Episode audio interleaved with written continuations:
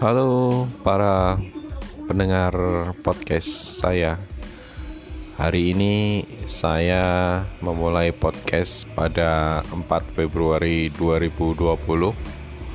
Podcast ini adalah podcast suka-suka. Artinya apa pun yang akan kita bicarakan di sini merupakan topik-topik suka-suka.